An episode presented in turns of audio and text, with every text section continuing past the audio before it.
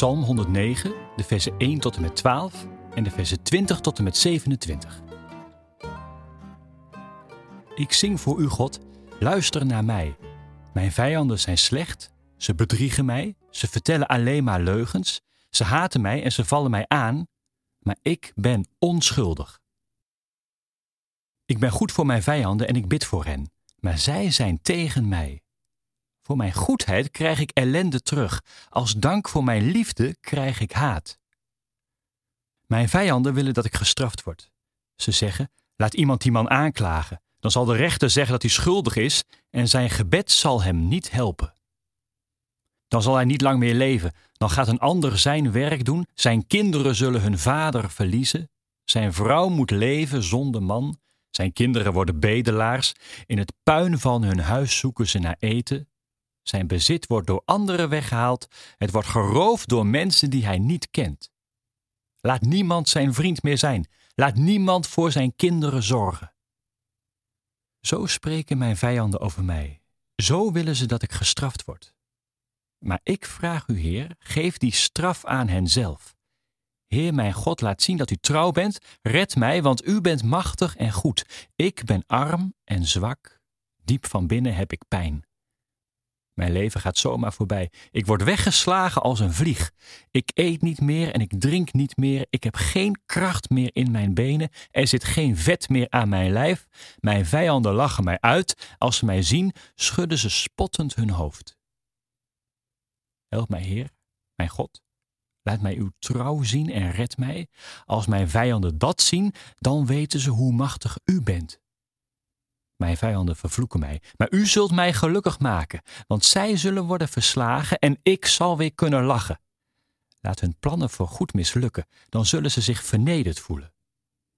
Heer, ik zal u danken waar iedereen bij is. Ik zal voor u zingen, zodat iedereen het hoort, want u helpt arme mensen. U beschermt hen tegen slechte rechters.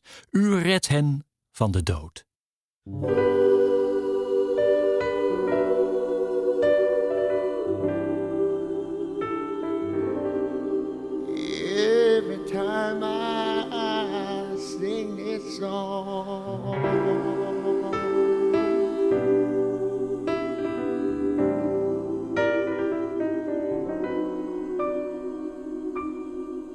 I sing for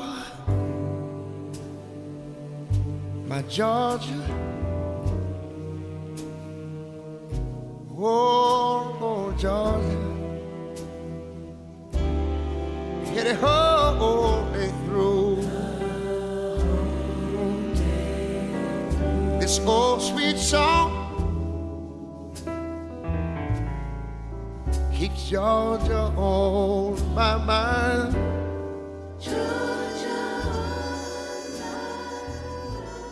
Het lijkt of er in deze psalm een slachtoffer van shaming aan het woord is.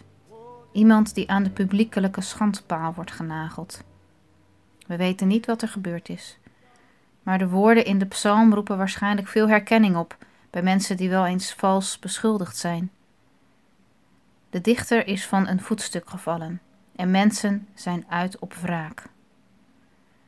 De dichter citeert de woorden van haat die zijn vijanden over hem uitstorten. Hij wordt beschuldigd van allerlei misdaden. Er klinkt leedvermaak, de vreemde behoefte om iemand anders moedwillig pijn te willen doen. De mensen die tegen de ik-persoon zijn, wensen hem allerlei rampen toe. Dat zijn hele bestaanszekerheid verdwijnt. De woorden lijken rechtstreeks uit een hedendaagse dreigbrief of haatmail te komen. Wat ook pijnlijk in beeld komt, is dat niet alleen de hoofdpersoon, maar hoe ook de mensen die dichtbij staan, kinderen, ouders, partner geraakt worden. Het is zo menselijk en het gebeurt zo vaak. Toen collaborateurs na de Tweede Wereldoorlog aan de schandpaal werden genageld. Hoe kinderen van NSB'ers aangekeken werden op het gedrag van hun ouders. Hoe mensen op internet door het slijk gehaald worden. Er zijn talloze voorbeelden. De psalmdichter verwoordt gevoelens van wanhoop, pijn, onzekerheid.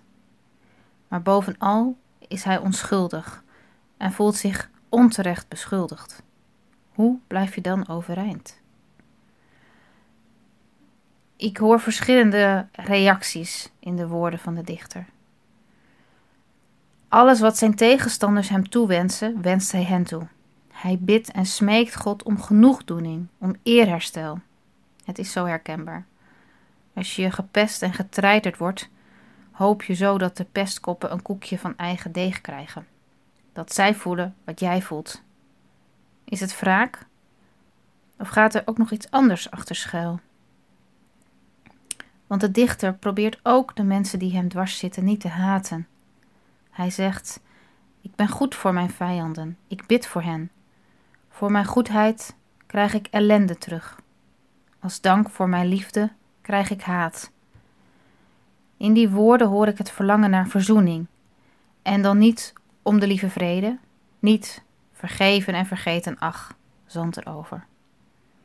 Daarvoor zijn de pijn en het onrecht te groot. Ja, er is die sterke behoefte dat je tegenstanders ervaren en voelen wat jij voelt. Maar schuilt daarin niet ook de hoop dat er begrip ontstaat, dat het conflict opgelost wordt?